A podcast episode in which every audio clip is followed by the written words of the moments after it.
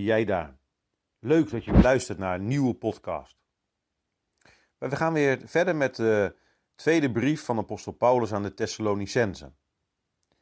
Vorige keer hebben we gezien hoe de gelovigen in Thessalonica volharden en bleven geloven, te midden van allerlei vervolgingen en verdrukkingen. En Paulus die vervolgt dan zijn schrijven in vers 5. Dat is een teken van Gods rechtvaardig oordeel dat u het koninkrijk van God waardig geacht wordt, waarvoor u ook lijdt.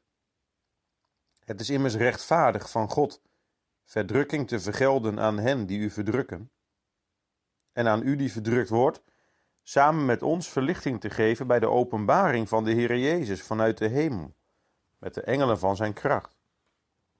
Wanneer hij met vlammend vuur wraak oefent over hen die God niet kennen en over hen die het evangelie van onze Heer Jezus Christus niet gehoorzaam zijn. Zij zullen als straf het eeuwige verderf ondergaan, weg van het aangezicht van de Heere en van de heerlijkheid van zijn macht.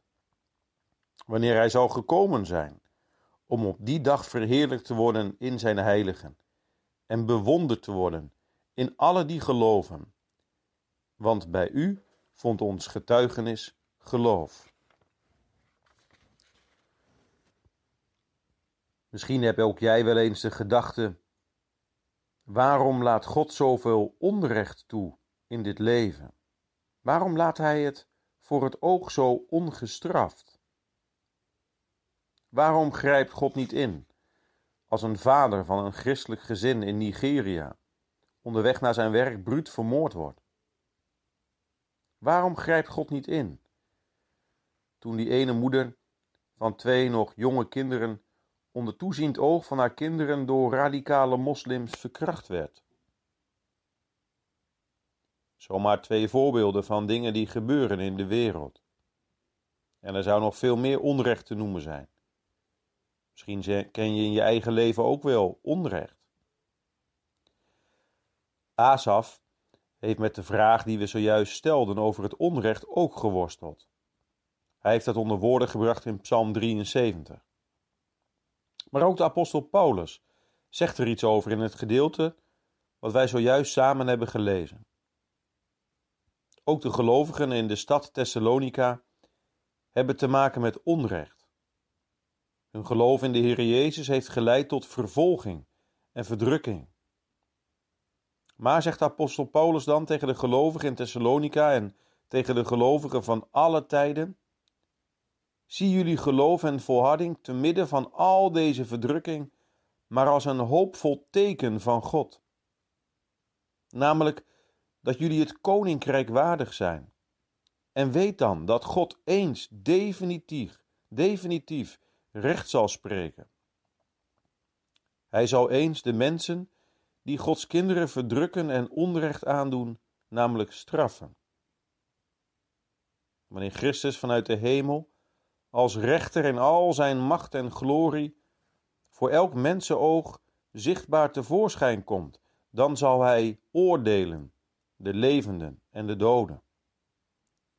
Dan zal Christus met een vlammend vuur wraak oefenen over hen die God niet kennen, over hen die het evangelie van onze Heer Jezus Christus niet gehoorzaam zijn geweest, over hen die Gods kinderen zoveel onrecht hebben aangedaan zij zullen dan hun verdiende loon ontvangen. De hel, het eeuwig verderf. Weet je wat het meest vreselijk is aan de hel? Dat God daar niet is, in zijn goedheid en met zijn liefde en met zijn genade. Wij kunnen ons daar geen voorstelling van maken. Er is er maar één die dat wel kan. En dat is Jezus. Hij heeft het antwoord op al het onrecht dat er nog is eigenlijk ook gegeven. Gods antwoord. Toen hij voor zijn kerk hing aan het kruis en de hel toen over zich uitgestort kreeg. Op dat moment keerde God zich van zijn eigen zoon af. En toen riep de Heer Jezus het uit: Mijn God, mijn God, waarom hebt gij mij verlaten? Nou, dat heeft hij gedaan zodat wij nooit meer van Hem verlaten zullen worden, in de eeuwigheid niet. Geen hel, maar eeuwig leven. Daarom kan en zal Hij eens hen, die omwille van Zijn naam onrecht in hun leven moesten lijden, recht doen. Hij zal op de dag van zijn wederkomst verheerlijkt worden in zijn heilige. Hij zal bewonderd worden in alle die in het leven in hem geloofd hebben. Kijk, dat mag dan ook u en jou. Wanneer je gelooft in hem, te midden van al het onrecht wat er in dit leven nog is, dan mag dit vooruitzicht jou tot rijke troost zijn. Zullen we samen bidden. Vader in de hemel, wij willen u vandaag bidden voor al uw kinderen die onrecht lijden in het leven omwille van uw naam. En Heer, wat is er veel onrecht in het leven? En wij bidden u, wilt u te midden van zoveel onrecht en verdrukking aan uw kerk volharding en geloof geven?